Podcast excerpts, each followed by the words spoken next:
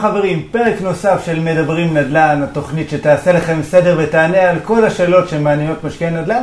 אני קובי זהבי, והיום אני מארח את מתן פרטמן, מנכ"ל ומייסד RM Group. אה, מה שלומך מתן? בסדר גמור, בוקר טוב. נעים מאוד, אה, ברוך הבא לפודקאסט. תודה רבה. אה, שמע, אני יכול להציג אותך, ויש לך, לך, לכם, בכלל, אה, אוקיי, סיפור מאוד מאוד מעניין. אה, אבל אני אתן לך את הכבוד ככה להציג את ה, קודם כל את עצמך, ולאט לאט ניכנס אה, לסיפור, איך בכלל התגלגלתם ככה אה, להיות קבוצה כזאת שעושה באמת המון המון דברים מרתקים בנדל"ן, ברמה הגלובלית אפילו. אז המיקרופון אליך, אז קודם כל ככה, בכמה מילים תציג את עצמך. תודה רבה. לפני שאני מתחיל עם שאלות נוקבות. תודה רבה שהזמנת אותי. אז מתן פרטמן, אה, בן 33, מתל אביב, נשוי אה, לסתווית שגילינו שפגשת. אה, אבא לשני ילדים מקסימים, ליה בת שנתיים וחצי ואלון בן ארבעה חודשים. יפה, גם שלי ליה הגדולה. כן, שמח, בכלל. הרווחת. וחוץ מנדל"ן והשקעות שאנחנו נדבר, אז אני מגיל מאוד צעיר עושה ספורט, עושה היום בתחום ה Iron Man ים, מכור לעניין. אה, יפה, לא יודע להגיד, אבל... אה, אני עושה קרוספיט וגם אדם אומר לי שאני משוגע. כן, הכל יחסי, כן. תחביב מוגזם. אה, זהו, ובאמת היום RM Group, בבעלות שלי ושל שותפי רן הראל, מנהלת היום סדר גודל של נכסים בקצת מעל, אני מניח, חצי מיליארד דולר. רוב הפעילות בארצות הברית, יש פעילות ביוון ופעילות בזנזיבר. אה, והולכים וגדלים, אבל זה לא, לא התחיל ככה, כמו יפה, שזה, או, יפה. זה לא יום אחד אתה קם ויש לך אה, קבוצת נדל"ן. כן, זה, תמיד יש איזו הרגשה לאנשים שיום אחד אתה, אתה מצליח וכאילו לא היה שום דבר לפני, לא היו חיים לפני זה. אז בואו ככה תשתף אותי, את הצופים, את המאזינים, אה, איך בכלל, אתה יודע, הגעתם להיות קבוצה כזאת שמנהלת... אה, ככה השקעות בחצי מיליארד, בסדר? מאיפה זה התחיל? אה, אז, אז זה התחיל לגמרי במקרה, אני אתחיל את זה אוקיי. ככה. אה, לפני עשור, אה, אני וגם רן השתחררנו מקבע, אני שאלתי בשייטת חמש שנים, רן היה חמש שנים פחות או יותר כקצין במודיעין. ואתה, סביבה מאוד דומה להיום, ריבית אפסית, הנדל"ן, איכשהו תמיד אומרים, תמיד כן. עולה. וקצת חסכונות מהקבע, ואמרנו, טוב, מה, מה נעשה עם הכסף? שוק ההון נעלנו אה, גדול עלינו, לא, לא כל כך הבנו, ונדל"ן נראה פשוט, כאילו קונים דירה, מקסימום גרים בה, אה, נראה סך הכל אה, סולידי ו- ומובן. אה, ואז אמרנו איפה נשקיע, התלבטנו בין באר שבע לחיפה, זה הערים שהיו הכי בכותרות של ערי משקיעים כאלה. אה, אני הכרתי את חיפה טיפה יותר טוב כי שירתתי ליד, אבל אה, בסוף הלכנו לבאר שבע כי הלכנו, רצינו ללמוד שם, הלכנו כן. ללמוד הנדסת חשמל, אמרנו, מקסימום נגור בחירבה שנקנה, זה מה שהייתה ההגדרה, לא ילך, נגור שם.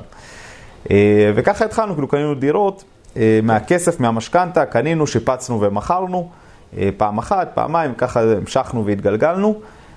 בסוף, התחלנו בכלל ללמוד בתל אביב, החברות ואנשים אה, אמרו... לא הלכנו לימודים בבאר שבע. בסוף לא, הדירות היו בבאר שבע, התחלנו ללמוד בתל אביב, כן. הגורל אה, לקח אותנו לשם. אוקיי. אה, ולאט לאט משפחה וחברים שהיו באותו סיטואציה, כן, קצת חסכונות, קצת זה, רואים מה קורה עם השוק, רואים שאנחנו עושים עבודה טובה סך הכל לעצמנו, ככה שומעים מהסיפורים, ואומרים בואו תעזרו לי להשקיע, אני מוכן לשלם על זה. אה, ואז אמרנו, טוב, אה, אין סיכוי. כאילו, אמרנו בהתחלה שלא, זה אחריות גדולה, כסף של אחרים, בטח של חברים ומשפחה. אה, ואז אתה רואה שזה לא נעלם. כלומר, הם מבינים שהם צריכים לעשות את הצעד, הם עברו איזשהו תהליך, והם הולכים לאנשים אחרים, שאתה גם מכיר אותם הרבה פעמים. כן. ואומר, הם לאו דווקא עושים את העבודה הכי טובה, בטח הם לא יעשו עבודה שאכפת להם כמוני, כי זה החברים והמשפחה שלי. ואז ככה התחלנו, התחלנו ללוות משקיעים, לקנות דירה. אה, לשפץ אותה, להשכיר אותה, יותר מאוחר גם להתחיל ממש לנהל מאלף ועד תף, כי הבנו שזה אולי הדבר שהכי מפחיד אנשים, לגור בתל אביב ולקנות דירה בבאר שבע.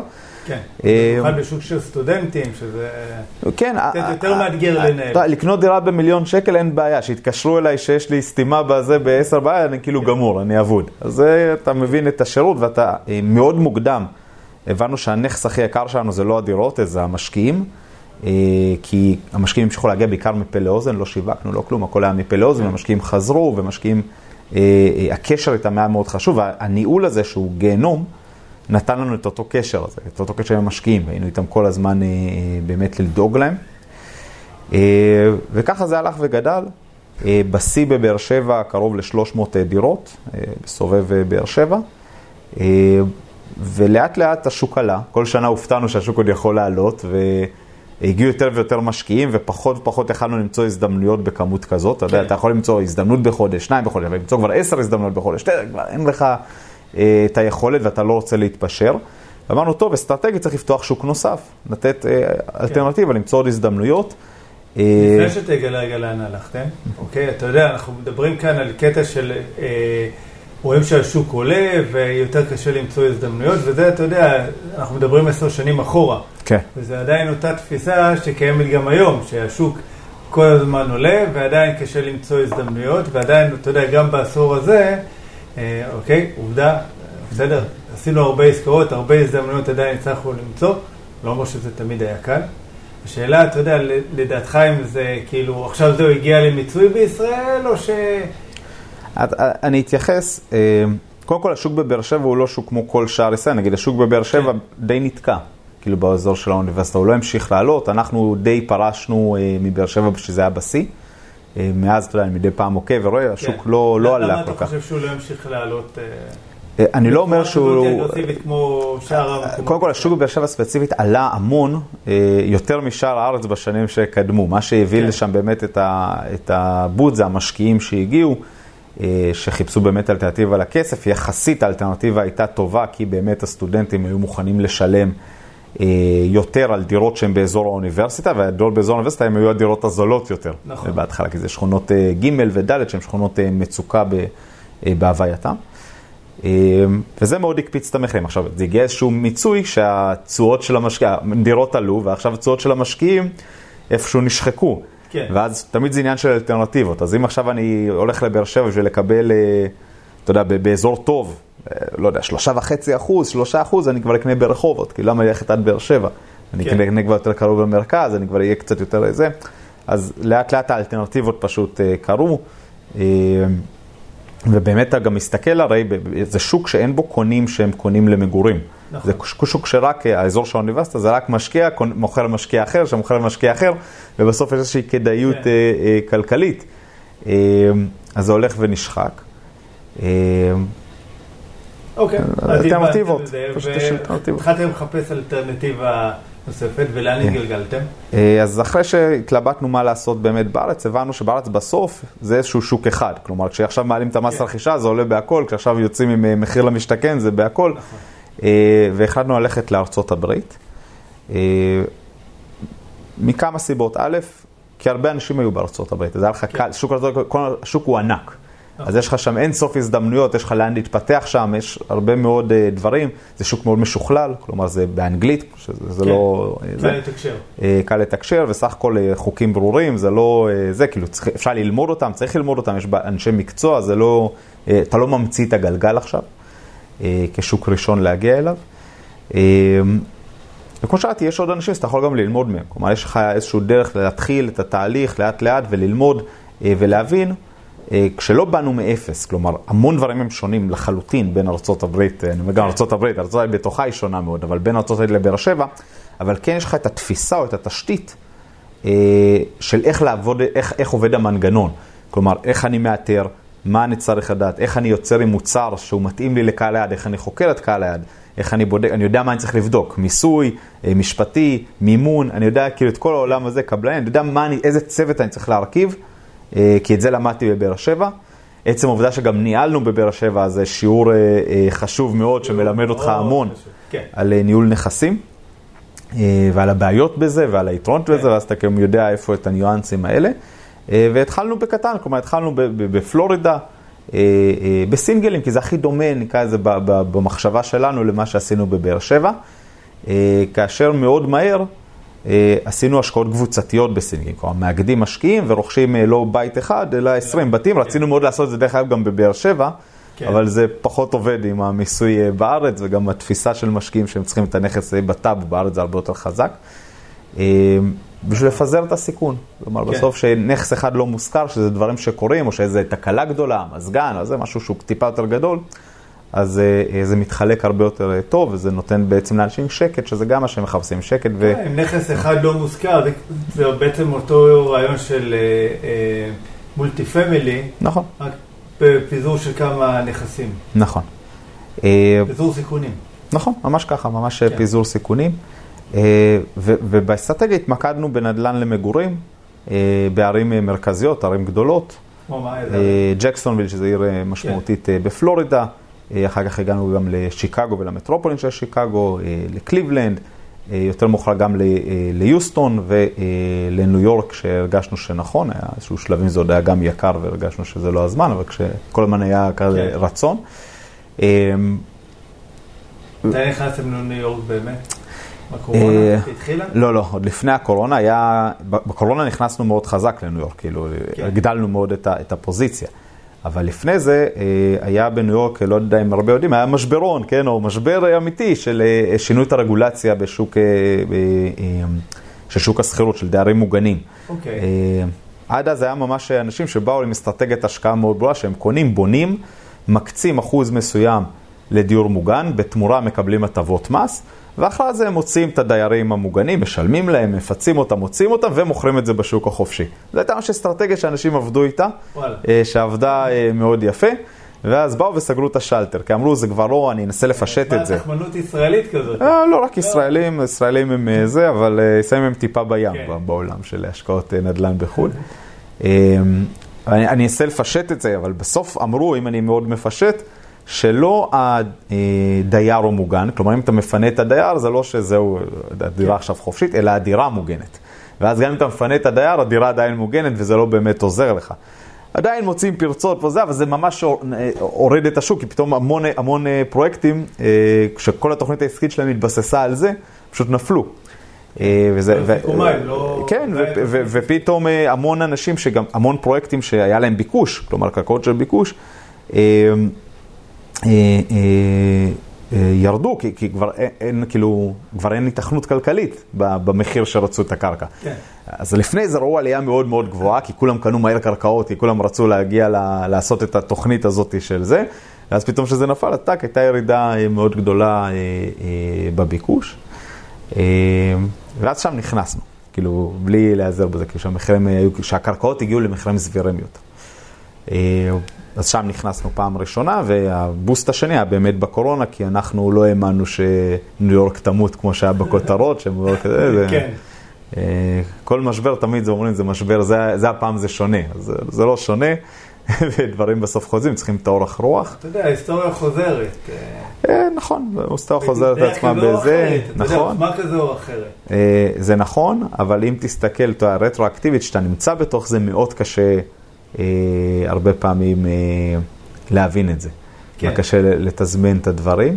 אה, נכון. צריך אורך רוח וצריך אה, אה, להאמין בצדקת הדרך. עכשיו אתה רואה את שוק ההון, אתה יודע, ככה הכל קורס, אדומים, אדומים, אדומים, אתה לא יודע אם יהיה עוד אדום, mm-hmm. אנחנו אומרים, אם הבור עמוק יותר, או שעכשיו מכאן זה רק יעלה. כן, זה נכון. קשה לדעת. זה, זה קשה לדעת, זה גם מאוד, אתה יודע, זה תלוי באופי של האנשים, אנשים שהם יותר מבינים, פחות מבינים, שהם יותר, יש להם יותר רזרבות מאחורה, כן. שהם יכולים לספוג את הדבר הזה, אנשים שכל היום מסתכלים וקשה להם לספוג, אז זה מאוד, מאוד תלוי גם באנשים. אה, אין מה לעשות השקעות, אני בן אדם מאוד רציונלי, אבל כן. אנשים והשקעות הן גם מאוד אמוציונליות. אה, אז גדלנו ככה, היום בעיקר דרך אגב מממשים כבר ברוב המקומות, אה, נשארים, רוב הפעילות היום היא ביוסטון וניו יורק. אוקיי. והיום... עדיין מחזיקים אבל מקבץ של אה, נכסים, זאת אומרת כקבוצה?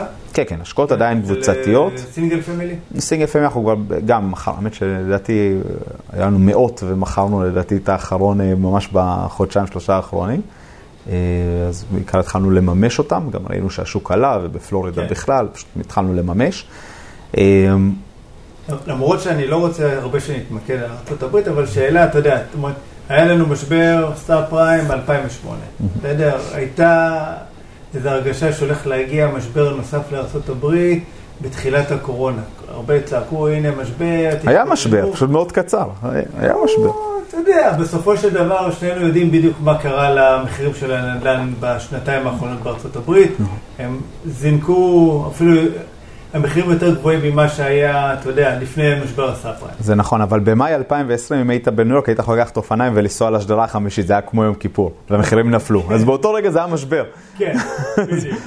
אבל זה, אתה יודע, זה היה באמת מי ש... איך אומרים? הצליח להבין שיש דם ברחובות באותו נקודת זמן ספציפית והיה נזיל, יכל בטוח לעשות אחלה עסקאות שם. אה, השאלה אם אתה רואה עכשיו, אתה יודע, אנחנו בעיצומו של איזה משבר כלכלי גלובלי, אה, הריבית בכל העולם עולה, אתה יודע, מדברים על אינפלציה אה, וכל... השאלה, אתה יודע, אם אנחנו עכשיו באיזה פתחו של משבר שהולך להגיע לארה"ב ונראה הזדמנויות כמו שהיה ב-2008? לדעתך? זה ניחוש, זה לא עכשיו... אני אלך עם זה שבאמת אף אחד לא יודע. אף אחד לא יודע. אני אגיד לך מה דעתי. סתם הימור. הבעיה... הבעיה, הבעיה הכלכלית היום כמובן זה האינפלציה והעליית ריבית זה תגובה כן. אה, כדי אה, לצנן טיפה את השוק. נכון. אה, כמובן, נדל"ן מגיב טוב באינפלציה, אבל בהעלאת ריבית פחות. עכשיו, אין ספק שהשוק, זה מצנן את השוק. כי מצנן את השוק לרמות נורמליות. בוא נגיד כן. שמה שהיה בשנתיים לפני זה היה לא נורמלי ומאוד לא בריא לשוק. נכון. עכשיו הוא מצנן אותו לרמות נורמליות. כן, אני חושב שיכולה להיות איזושהי האטה, אפילו עצירה של מחירים, אולי אתה יודע מה, אפילו ירידה קטנה שזה אפילו קצת בריא. אה, בטווח הקצר, אה, אבל בסוף בטווח הבינוני והארוך, נדל"ן, בטח נדל"ן למגורים, זה היצע וביקוש. כן, יש לך, אה, הביקוש הוא נקרא לזה במרכאות קשיח, אנשים או גרים בדירה שלהם או סוחרים, אבל הם עדיין צריכים את הקורת גג הזאת. נכון. הם יכולים קצת לעכב את זה, לגור עוד קצת אצל ההורים, לגור עם שותפים, למרות שבארצות הברית זה הרבה פחות נהוג, המרחקים עושים את שלהם. אה, והיצע, שזה כמות הבתים שיש לך, פחות אה, אה, הבתים שהם לא ראויים למגורים, ופחות בתי נופש, כי אנשים לפעמים מחזיקים כן. שני בתים ואחד לנופש. ו-2008 יצר מצב שבעקבות המשבר הפסיקו לבנות. ממש ירידה מאזור ה-2 מיליון בתים בשנה ל-400 אלף בתים בשנה, כאילו לחלוטין הפסיקו. בעשור בין 2010 ל-2019 בנו 6.8 מיליון בתים בארצות הברית. אם אני משווה את זה לעשורים הקודמים, כן, לשלושה עשורים קודמים, כל עשור, אה, ומסתכל גם, אה, עושה נורמליזציה לאוכלוסייה, כן, לכל מיליון איש, זה חצי מהכמות שהיה צריך. כלומר, אה, פר מיליון איש בנו פחות או יותר 20 כן. אלף יחידות במקום 40 אלף יחידות למיליון איש. אין בתים. היום, אנחנו ב-2022, עם שיא התחלות הבנייה של, כאילו, לעומת שנים קודמות, אתה עדיין לא ברמות, אתה כאילו מגרד את ה-1,000, מיליון 500, מיליון 600 בתים. אתה עוד לא מתקרב ל-2 מיליון שצריך. כלומר, גם היום הפער הולך וגדל כל שנה. הקורונה עוד יותר גרמה לפער הזה להיות, כי היה עוד יותר קשה לבנות, כי... אה, לא היו פועלים. לא פועלים, בעוד בשרשרות האספקה, הכל התעכב. אה, וכרגע הערכות הן שחסרים בין 5 ל-7 מיליון בתים בארצות הברית, בין 5 ל-7 מיליון, וייקח לסגור את זה באזור עשור. אם בעשור הזה לא יקרה כלום. כלומר, יצליחו לבנות כמו שצריך ולא יקרה שום דבר בעשור הזה שיעצור את הבנייה. כן. אז בטווח הבינוני או הקצר, יכול להיות האטה. אבל כבר עכשיו אנחנו רואים שיש את האטת מחירים, אז גם התחלות בנייה יורדות. נכון. ובסוף, אתה יודע, כמו שהיה עם המע"מ אפס פה, וזה אותו דבר. אנשים יכולים לשבת, יכול, הנה המחירים ירדו, הנה המחירים ירדו, הנה המחירים ירדו, אבל כמה אתה יכול לשבת? כמה אתה יכול לגור אצל אימא שלך בבית?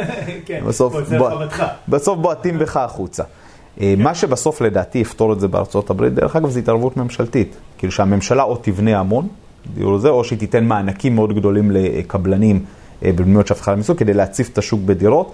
אבל זה גם, זה לוקח זמן. לא ביום אחד אתה בונה שבעה מיליון בתים. צריך אה, לתכנן, היתרים. נכון, בארצות זה יותר קל מבישראל, זה יותר מהיר, לא בכל השווקים, אבל בהרבה אה, שווקים. אה, אבל זה תהליך. מדהים, דרך אגב, אתה יודע, הנתון הזה, זאת אומרת, אנחנו חושבים שרק בישראל... יש חוסר עצום ביחידות אה, דיור, כן. יש גם בארצות הברית, אנחנו אה, פעילים גם בפולין, גם שם יש חוסר ביחידות. וכל אחד מהם זה סיבות אחרות. וכל אחד חושב שאתה יודע, איך אומרים, הבעיה היא רק אצלו בבית, אבל בסוף, כמעט כל שוק שאתה הולך, אתה מגלה שהוא סובל כמעט מאותו... הרבה פעמים זה, זה מסיבות אחרות. יש את הסיבות אה, אה, המשותפות, כלומר, כן. ב, סתם לדוגמה, הליך הגירושים נהיה נפוץ בכל העולם המודרני, אז יש כן. יותר אנשים צריכים יותר בתים, זה קרה אצל כולם. נכון. אה, מנגד, ברוב המקומות הילודה ירדה בעולם המודרני, חוץ מבישראל. בישראל ילודה מתמידה כן. וזה, זה אחת הבעיות של ישראל, במרכאות, כן? בעיה מבורכת, כן. אבל יש הרבה ילודה. אה, יותר מבעולם המערבי. אה, אז כל, כל שוק יש לו את הבעיות שלו, ישראל קשה מאוד רגולטורית, ארה"ב תלוי איפה. יוסטון פנטסטי, טקסס פנטסטי, ניו יורק קשה, גם קצת שוק צפוף יותר. כן. זה גם משתנה בין שוק לשוק. יפה, אז אוקיי, אז באר שבע, הגעתם מארצות הברית, אוקיי, לניו יורק ופלורידה וכל זה, ומשם בעצם לאן התגלגלתם? זאת אומרת, יש לנו... הברית, אתה יודע, זה ארץ ההזדמנויות הגדולות, אפשר להישאר שם כל החיים. זה נכון. קודם כל, היום 80% מהפעילות זה שם. את הפעילות בארץ כבר סגרנו. תמיד שואלים אותי גם אם אני לא חוזר לארץ, אבל סיפור אחר. מה, לא תלווה אותנו לאיזה דירה בבאר שבע? אה, כבר... אוקיי. אני עוד מחזיק דירות בבאר שבע, אבל... לא, זה טוב דווקא להחזיק כמה דירות בישראל. זה תמיד, אני אומר, נדל"ן לא מוכרים, תחזיק אותו תמיד. לא משנה איפה, תחזיק את הנדל"ן. התחלנו פעילות מאוד מעניינת בזנזיבר, סיפור ארוך, אבל בחור בשם אריאל, יזם ככה בנשמתו שעבד אצלנו, טס להציע ניסויים בזנזיבר, חזר, שאלנו אותו איך היה, אמר, היה מדהים, חייבים להשקיע בזנזיבר, יש שם ככה וככה וככה, כמו כל ישראלי טוב, צריכים להשקיע בזנזיבר. אמרנו, לא, איך, איך, היא הסכימה? הוא אומר שכן, היא גם הסכימה. אז ככה זה התחיל, ובאנו ואמרנו לו... למה? מה, מה הוא זיהה שם? זאת אומרת, מעבר לזה שהיא הסכימה, ואתה יודע. קודם כל הוא התאהב במקום, אולי זה גם בגלל שהוא, הסיבה שהוא בא. ואז שהוא התחיל להסתכל, לדבר שם עם האנשים, כן, יש את הראש היזמים מפה מהחברה. הוא ראה שבסוף הוא משלם על מלון תשלום מערבי לחלוטין, אבל הוא רואה שהמדינה היא מדינת עולם שלישי איפשהו, אז יש פערים, כלומר, בין ההוצאות להכנסות, כי אני עכשיו קצת אולי שם את זה בכותרות, אבל זו התחושה שהייתה. הוא ראה כמה, כמות התיירים, כלומר, הכל מלא, מלא באנשים. הוא דיבר עם האנשים שם קצת המקומיים, וראה שיש זרימה מטורפת של תיירים, ובאמת גידול מאוד גדול בתיירות. וזה איזשהו פתח לו את הנורה הזאת, שאולי יש פה איזשהן הזדמנויות, כלומר, כן. איזה. ואז באמת כשהוא בא, אז אמרנו לו, טוב, אנחנו חברה רצינית, עזוב אותי עכשיו זנזיבר, זה לא בפוקוס שלי, זה לא במיקוד שלי, אבל אנחנו מעודדים, אני תמיד מעודד אה, אה, שהחבר'ה יבואו עם רעיונות אה, תעשה שיעורי בית. אה, והוא עשה וחזר, ובאמת נראה שהייתה הזדמנות, ואז עשינו מחקר מאוד מאוד גדול, זה היה ב-2017. אוקיי. אה, והתחלנו, התחלנו לחקור, באמת זיהינו שיש שם הרבה, הרבה הזדמנויות, כאילו עצם העובדה שהביקוש גדל שם בצורה משמעותית וההיצע מאוד מאוד נמוך, כי גם עשו איזשהו שינוי, וזנזיבר, אם תיקח אותה לפני 12-13 שנה, הייתה אחרת לגמרי, הייתה בעיקר פונה לתארים של מוצ'ילרים שבאים לטייל באפריקה כן. ובאים עם מוצ'ילות, מחפשים מלונות שלושה כוכבים ומטה, או דורמס כזה לגור כמה ביחד. של לפני 20 ו... בדיוק. ממש ככה. ואז ב-2010 היו, יש בחירות, לא יודע אם יודעים, זנזה היא דמוקרטיה, יש גם אתה יודע, יש בחירות כל חמש שנים, ומתחלף השלטון יותר מפה אפילו. והם הבינו שהכסף לא שם. הם הסתכלו מה קורה בסיישל, הם הסתכלו מה קורה בתאילנד, ואמרו, לא, אנחנו צריכים את הזוגות לירח דבש ואת ה, דווקא את ה-I, זה, כי זה מקום מדהים. כן. ואז התחילו באמת לשנות את הזה ולהביא מלונות יותר של ארבעה וחמישה כוכבים ויותר לשווק את זה לתיירות של הזוגות שאנחנו מכירים היום. ואז מה שקרה, שהיום יש כמות תיירים שהולכת וגדלה, המלונות גדלים בקצב מאוד איטי, ורוב המלונות שלך עדיין באים הם מלונות שהם לא מתאימים לקהל היעד. היום אין כמעט, אין ילדים כמעט בזנזיבר, זה אי של מבוגרים, 95% זה מבוגרים שבאים מאז. שאלה שמסקרנת אותי, אתה יודע, אנחנו מדברים על זנזיבר, מדינת עולם שלישית, אני מניח שאתר כמו זילו זה לא משהו ש... לא קיים. קיים שמה. איך בכלל, אתה יודע, מתחילים לעשות חקר שוק, איך בכלל מתחילים ללמוד את השוק, אני לא יודע כמה אינטרנט שם, והמידע לא, לא, זה... הוא נגיש, בסדר, זאת אומרת, אתה יודע, זו שאלה שהיא מעניינת. נכון. קודם כל, אתה, אתה מזהה שיש את ההזדמנות. כן. זיהינו שיש את ההזדמנות, עכשיו צריכים לראות האם בכלל זה אה, ישים. לקחת את ההזדמנות הזו וליצור אותה למשהו אמיתי. כן. אה, אז השלב הראשון, זה קודם כל אנחנו מבינים את הסקטור, רק מלונאות, אין שם משהו אחר. אני לא אבנה כן. למגורים למקומיים, זה לא השוק. ואז אנחנו מתחילים ללכת ממה שקרה מלמעלה למטה. כלומר, אוקיי, אני בונה מלון, בוא נבין את הביזנס שלו.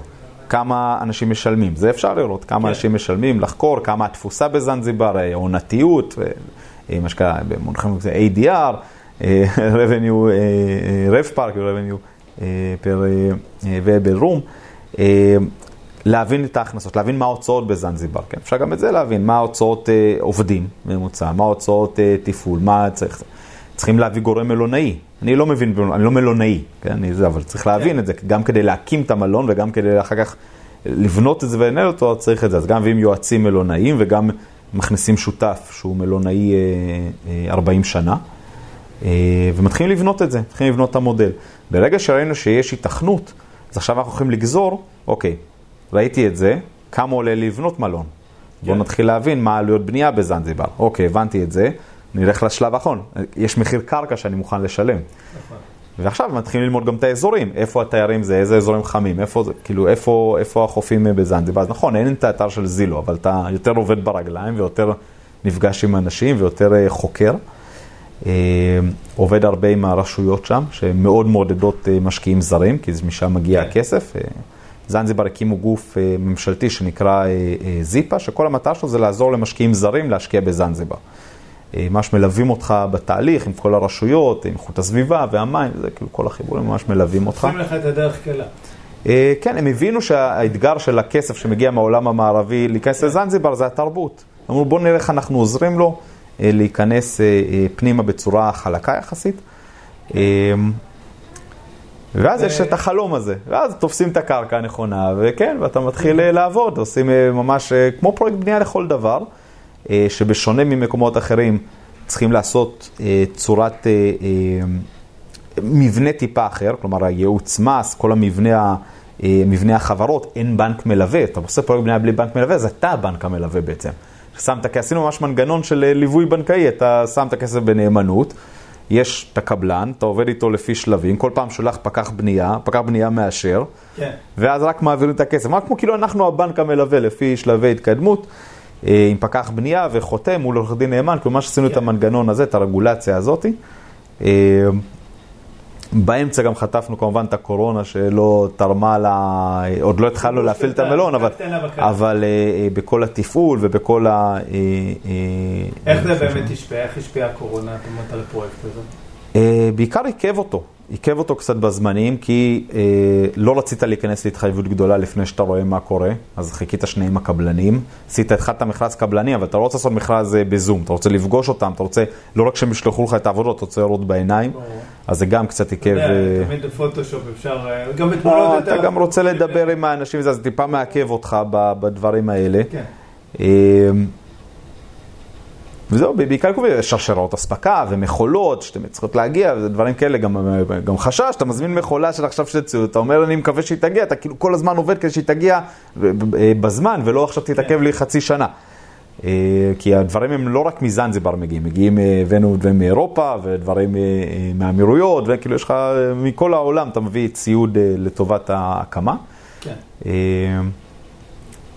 זה האתגר בעיקר, בעיקר בזמנים. כלומר, בעיקר לדאוג שהדברים יקרו על אף כל הבעיות שיש בכל העולם, לא רק אצלנו. כמה יחידות, כמה חדרים במלון הולכים להיות? 86, אה, שזה 84 אירוח, ועוד שניים למנהלים שאפשר גם לאסוף אותה גם לאירוח, אבל בגדול 86 חדרים. יפה. ויאללה, ומתי אפשר לבוא... אורח ראשון... ככה לאיזה לילה? אורח ראשון בראשון באוגוסט, עוד פחות משהו, ממש עוד רגע, כן, כן אז הכל הוא נערך אה, זה. אנחנו מתחילים תקופת הרצה. אה, מגבילים את התפוסה, כן, ודווקא יש... אני מניח שכבר, אתה יודע, העורך הראשון אה, כבר ילון בחדר כשהפרק הזה ישודר, אבל... כן. יפה, תקשיב, זה מרגש. מאוד מרגש, כי זה ממש לקחת חלום לחלוטין, שגם, אתה יודע, לא ראית אינדיקציות לזה לפני, ופשוט אתה פתאום רואה את כן. זה. אתה לא מאמין שזה קם הדבר הזה. אתה האמנת לפני עשר שנים שיום אחד תבנו מלון בזנזיבר, שקניתם את הדירה הראשונה בבאר שבע. לא. את החירבה, איך קראת לזה? כן. לא, לא הייתי צריך ללכת כל כך רחוק למלון בזנזיבר, לא הייתי מאמין להרבה דברים אחרים גם לפני. כן. לא, לא הייתי מאמין, זה ממש, אה, אתה יודע, זה, זה עקב בצד אגודל, והרבה פעמים שואלים אותי, איך, כאילו, איך אתה הגעת? מזה לעשות את הדבר הזה, מה, מה הסוד, מה, אתה כזה מוכשר או זה? אז בסוף, אם אתה שואל אותי, אחרי שאני ישבתי על זה, זה לא פשוט, כי זה הרבה גם אה, אה, קבלת החלטות בדרך, אבל אני בסוף אומר שזה הרבה האנשים, מהאנשים שאיתך, אם זה השותף שלך, אם זה היועצים, ש, שאולי זה אחד היתרונות שלקחנו, יועצים עסקיים מאוד מאוד טובים בתחילת הדרך, אה, כי בסוף גם רן ואני, לא באנו מהיותנו שכירים באיזשהו גוף שיכלנו כן. לראות, או לא היינו, אתה יודע, איזה יזמים סדרתיים. היינו בקבע, וזהו, והקמנו את זה. כן. זה פחות או יותר, כאילו, מאוד מהר נחתנו לזה, וגם די צעירים. לא היה לנו איזה ניסיון אה, חיים. עדיין צעיר. עדיין צעיר. כבר, כבר עוד מעט אה, זה, כבר לא נשאר שיער, אבל עדיין צעיר. אה, עדיין ניצחת אותי בקטע של השיער. עד שאני אגיע לזה. אבל, אבל לקחת אנשים, ומה שנקרא, להתגלח על הניסיון שלהם. כלומר, לקחת אנשים שהם כן עם ניסיון כן. חיים יותר, וכן עברו דבר או שניים, ולהיות מוכן לשלם על הדבר הזה. ותדע לך, גם אותנו מלווים, אותי ואת הדר, זה הכסף הכי טוב שאנחנו משקיעים. כי זה השקעה בעצמנו ובחברה שלנו, וזה בסופו של דבר, זה הקיצור דרך הכי טוב, וגם הכי בריא. כן. זאת אומרת, להתחיל ללמוד כאילו מטעויות של עצמך, אתה תעשה כל כך הרבה טעויות בדרך. אתה תעשה בכל מקרה. ברור, אבל אתה, אם אתה יכול לחסוך טעויות שהן ממש כואבות, אז נכון. כאילו למה לא? הדבר הנוסף, דרך אגב, שאני אומר על עצמי, וזה אולי אה, לחלק מהצופים גם, אה, למאזינים, אה, שהתחלתי צעיר, כלומר התחלנו צעירים. כי כן. היום, אני אומר, אם היום הייתי עושה את הדברים שעשיתי לפני עשר שנים, פתאום ההסתכלות שלך היא אחרת. אתה אומר, אוקיי, אז הלך כל הכסף. כאן הלך כל הכסף, כן. בסדר, אני הולך לעבוד בעוד עבודה, אני הולך לזה, הכל טוב. היום, שיש לך ילדים קטנים, אתה אומר, רגע, אני מפספס פה, אני מפסיד פה, אני זה, רגע, מה זה, אני צריך להגיד להם לא ללכת לחוג הזה או לא ללכת לחוג... כלומר, הסיכונים שיכלנו לקחת, הסיכונים אומנם מחושבים, כן. הם הרבה יותר גדולים כשאתה מתחיל בגיל צעיר. אה, יש לך הרבה יותר אפשרויות תמיד לחזור בך. יש לך יותר זמן גם לתקן. זאת אומרת, גם אם משהו לא עבד כמו שצריך. זה גם על חשבונך. בדיוק. זה לא על חשבון אנשים אחרים עדיין. נכון. אה, אז רף הפחד שלך הוא אחר. כאחד כן, שהתחיל כן. יחסית מאוחר, אני מתמודד עם זה. נכון. בסדר, עכשיו, אה, יש כאלה שאומרים שאני אמיץ והכול, אבל בסדר, זאת אומרת, אין ברירה, אם אתה רוצה להגשים את החלומות, גם העסקיים שלך, אז אתה חייב נכון. לקפוץ. אני מסכים.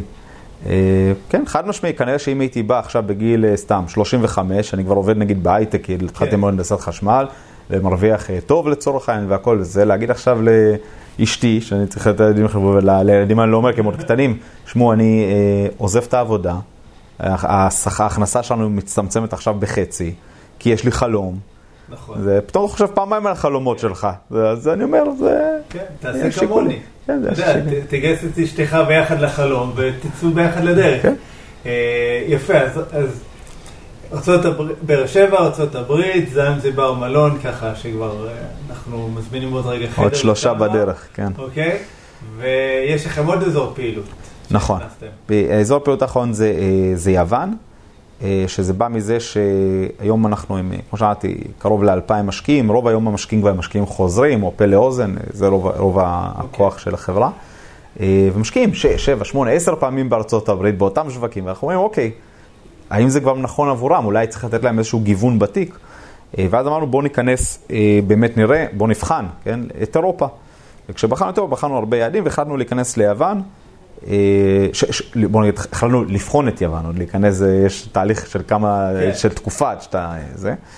אה, גם כי זה באמת אה, מטבע אחר, גם כי זה מאוד שונה, כלומר, ארה"ב באיזשהו שיא מחירים, יוון בדיוק איזושהי יציאה ממשבר, שווקים טיפה שונים, לעשות איזשהו גיוון של תיק השקעות.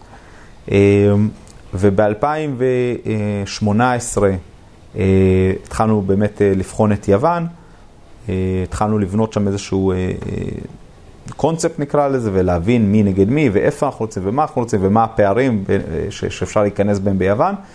אה, ובסוף יכולנו עוד לא להיכנס, זה עוד טיפה מוקדם. למה? מה, מה היה מוקדם? אה, היה ברור שביוון הולכת להיות הזדמנות. כלומר, המחירים בשפל, זה עדיין חלק מהגוש, מקום שמושך אליו תיירים וכו', כן. בסך הכל. אבל כשאתה רואה את הנתונים, גם במקרו, אבל גם בשטח, אז אתה רואה שעוד יש בעיה למשוך כסף מכספומטים. מימון בנקאי, עוד אי אפשר ממש לקבל, בנקים בטח לא מבחוץ עוד לא נותנים. היה בדיוק אז את המשבר אה, עם גרמניה, על ההסדר החוב. אה, ועל זה שוון אולי תצא מגוש האירו בכלל, היה בדיחה, אתה בא לבנקים והם אומרים לך, רגע, תן לבדוק אם אנחנו עדיין ביורו, שכבר חזרנו לדרחמה, אני רגע בודק. ואתה רואה שיכול להיות שעכשיו זה בדיוק הפיק של השפל, שעכשיו זה ההזדמנות להיכנס, אבל גם יכול להיות שלא. וכשאתה שואל אותי פה בסיכוי סיכון, בטח כשאני גם משתמש בכסף של אה, משקיעים אחרים ולא רק בכסף שלי, אני מעדיף לחכות עוד קצת, ולתת לשוק עוד טיפה מקסימום, אני אפספס את העלייה הראשונה, את הכמה אחוזים של העלייה הראשונה, אני, אני אסתכל על הדברים ויראה שהם עובדים. אה, האבטלה עדיין הייתה דרך אגב אה, גבוהה. בעיה שעד היום יש בעיה דמוגרפית ביוון, שהצעירים עוזבים, אין איזה שכחה, כאילו יש, היו בעיות, ועוד הרגיש מוקדם מדי. אבל אמרנו, אין בעיה, הולכת להיות הזדמנות ביוון, בואו ננסה אה, להבין מתי, מתי אני מרגיש כן. יותר בנוח. לתזמן אותה. כן, להרגיש יותר בנוח, גם אם אני טיפה מפספס, הכל טוב. אה, זאת אומרת, בסוף אה, השקעות מוצלחות זה השקעות שלא עשית. זה כאילו ה... זה, זה הכל טוב. אה, וחיכינו וישבנו, ואז באמת ראינו כל מיני שינויים, בנקים זרים הודיעו שהם נותנים מימון, המשבר עם גרמניה נפתר והתל"ג של יוון התחיל לצמוח, האבטלה ירדה, אפשר למשוך כסף כבר מכספומטים, אתה רואה שלאט לאט יוון חוזרת לעצמה, ובאמת הוצאנו את תוכנית המגירה לפועל, אה, כאילו הוצאנו אותה, לא לפועל, הוצאנו אותה מהמגירה, היה לנו איזשהו vision לקחת אה, באתונה ולעשות מגורי סטודנטים, כי זיהינו מצוקה אצל אותם סטודנטים שהם מחפשים דירות קטנות ומוכנים לשלם אה, יותר תמורת דירות אה, קטנות, מעוצבות, עם אינטרנט, עם שמירה, מאוד חשוב לזה, אה, כי אין דירות קטנות בשוק, כי הכל הולך ל-Airbnb. ממש okay. אוקיי. יוון, כל ישראלי שמשקיע ביוון משקיע ב-Airbnb, אבל okay. לא כן. רק. אה, והיה ממש מצוקה. אה, ממש הכנו מחקר שלם ובאנו וזה, ואז הגיעה הקורונה, וכל הדירות הקטנות יצאו לשוק, כל ה-Airbnb נעלם. טרפו את הקלפים. אז אמרנו, טוב, אנחנו כבר, יש לנו את התשתית, יש לנו את ההבנה, זה, מה עכשיו ההזדמנות הכי טובה מבחינתי ביוון? תיירות. כי זו מדינה שהיא צומחת מבחינה תיירותית מאוד. כן. אה, חלק נכבד מהתל"ג שלה זה, זה תיירות. נורא נהנתה מה... כזה בלגן שיש, שהיה בטורקיה, לא עם ישראל, אלא בכלל, כל עלייה של השלטון אה, אה, שהוא יותר אה, אה, קיצוני, נקרא לזה בטורקיה, הביאה הרבה תיירות אה, ליוון, שהן מתחרות. אה, ויוון פורחת, ממש ככה, ויש עכשיו משבר. אז עכשיו זו ההזדמנות שלי לתפוס את העולם הזה, שענף התיירות שהוא באופן כללי אחד הענפים הכי צומחים לאורך אה, שנים, אה, בטח עם השמיים פתוחים, אה, תיירות מהמזרח, מסין, אנחנו, אם לפני 20 שנה לא היית רואה תיירים מסין, היום אתה הולך וזה, אתה רואה מלא מלא סינים מצלמים וזה, זה לא סתם, מעמד הביניים שם פשוט גדל, נהיה פתאום מעמד ביניים, אין רק קצוות, והוא הולך ומטייל. אה, העולם נהיה יותר גלובלי, כולם תרבות הפנאי מאוד, זה, אז, אז כמות התיירים גדלה בכל העולם.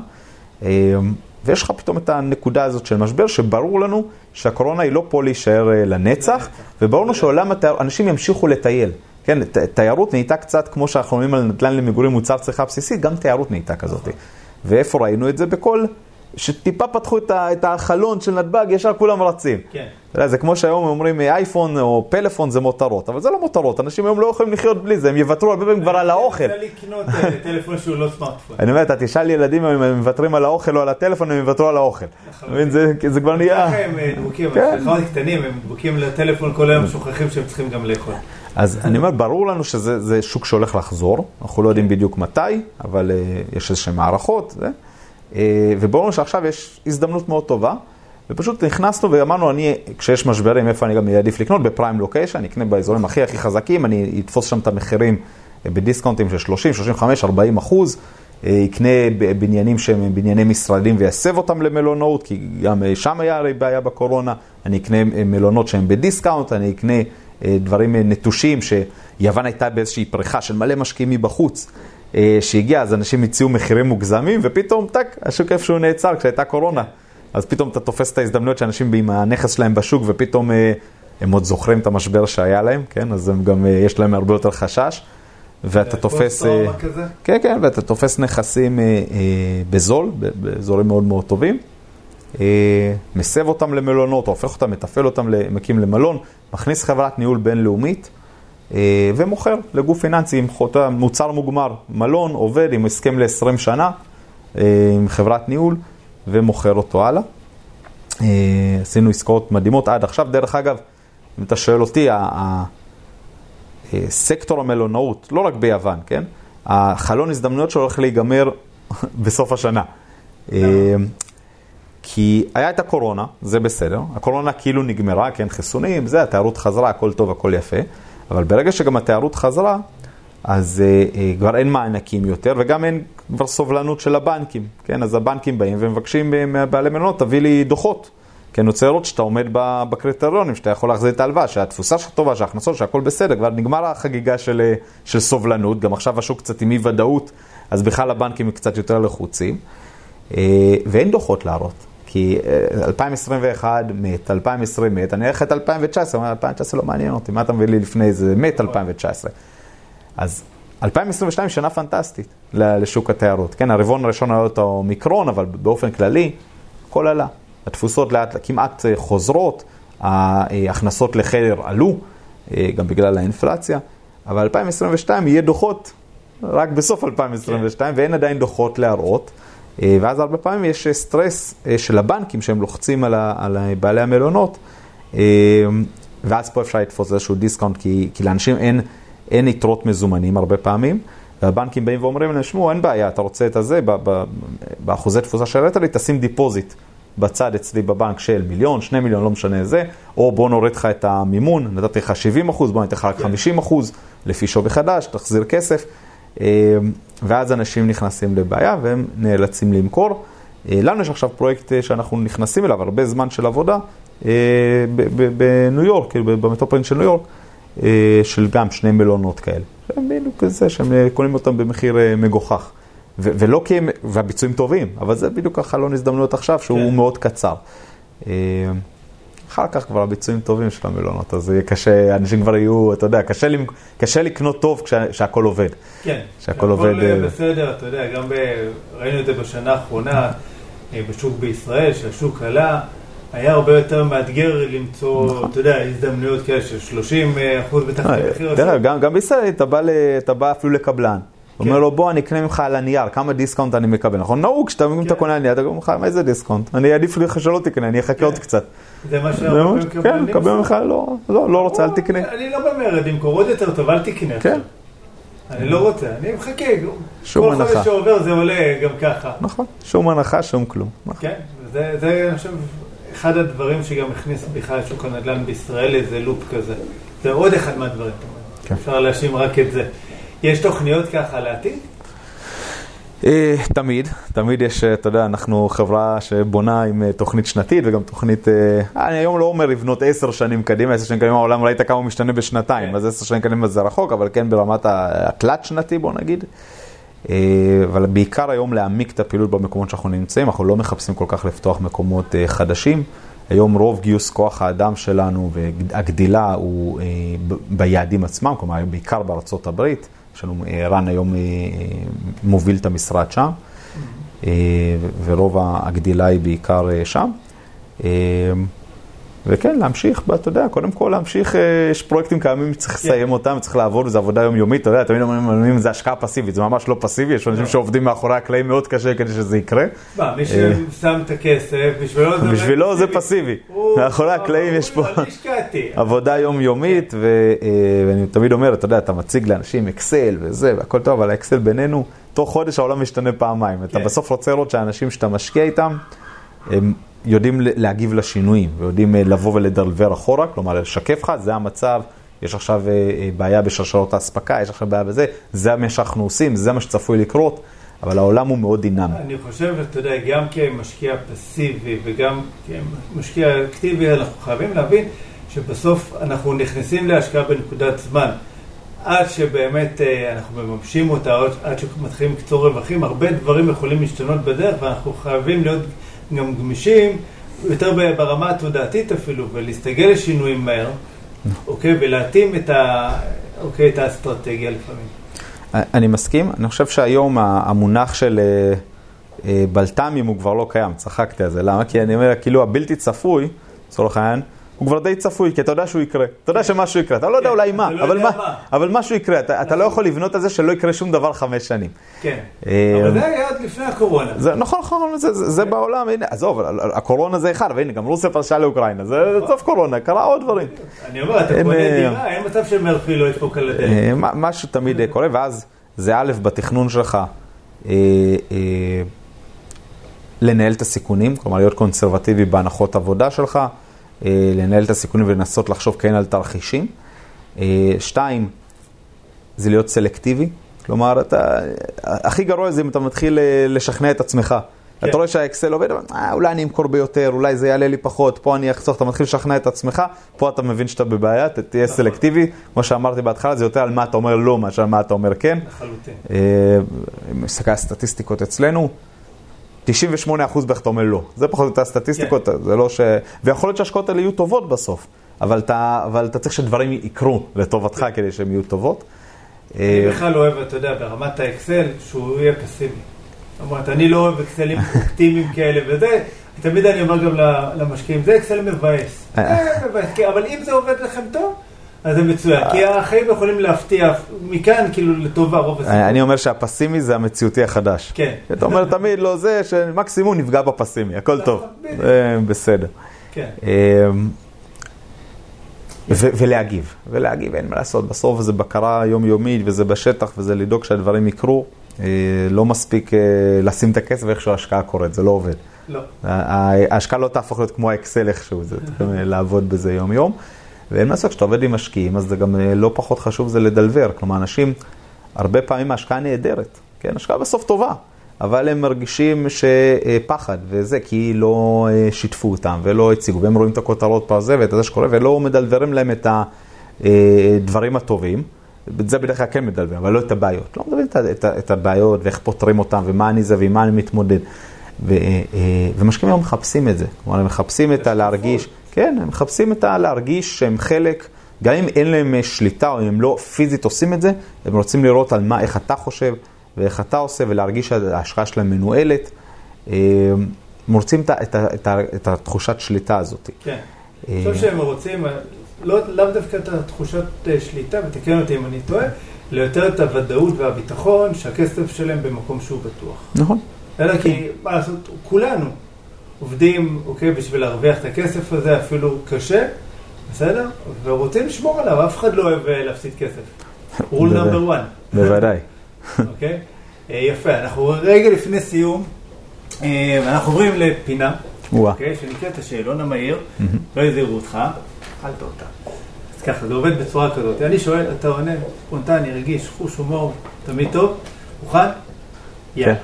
תאר לי את עצמך בשלוש מילים. שהשתנה בשנים האחרונות, אז אני אתחיל מאבא, כן. יזם ובן אדם. יפה, להיות בן אדם זה חשוב.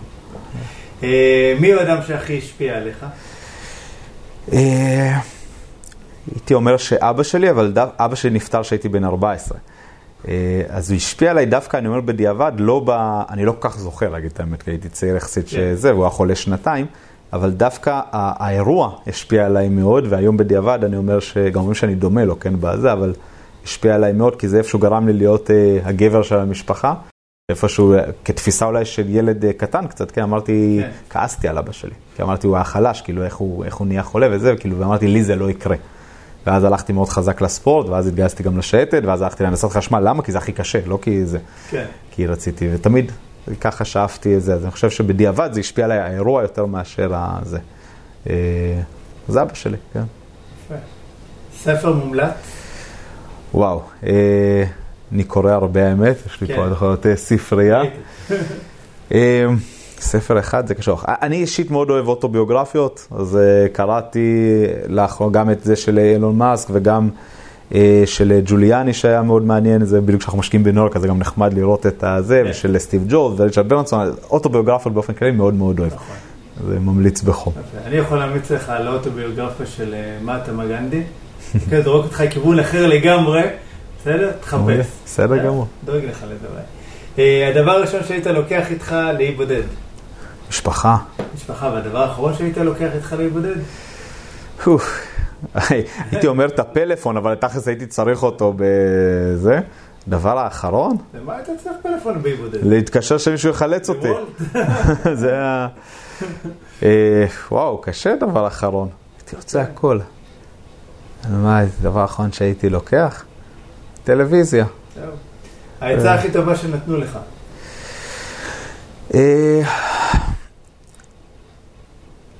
הייתי אומר שזה לחשוב בגדול, אבל כאילו יותר, יותר בעניין של לא לפחד לקחת סיכונים. יפה.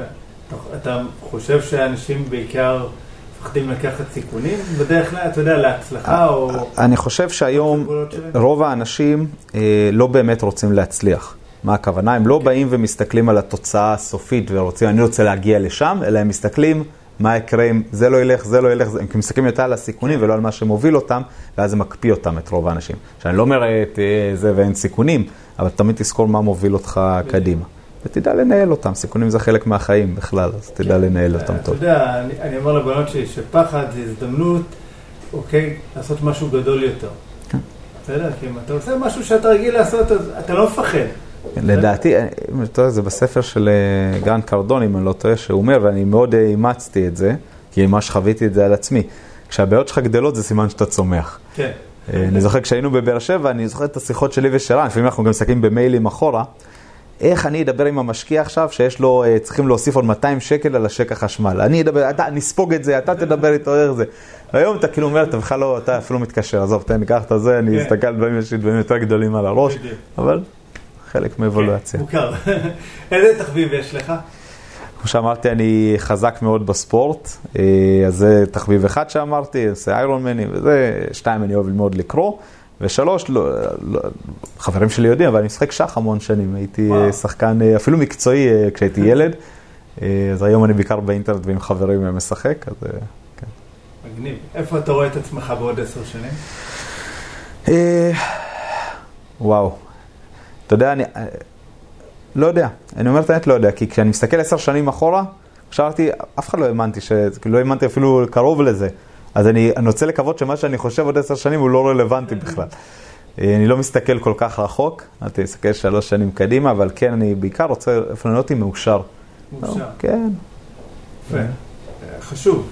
אני חושב שזה בסוף הכל. אם אתה כן. מאושר, אז העסקים שלך טובים והמשפחה שלך טובים והכל טוב.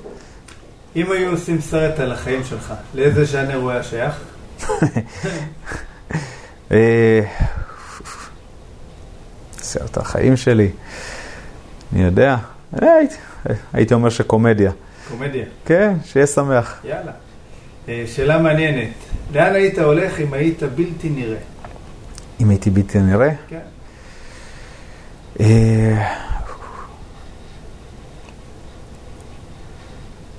איזה שאלות, באמת התקלת כן. אותי. לא, לא אני, זה אדם. אה, זה אדם? בטח. מקום אחד? שאלון מהיר.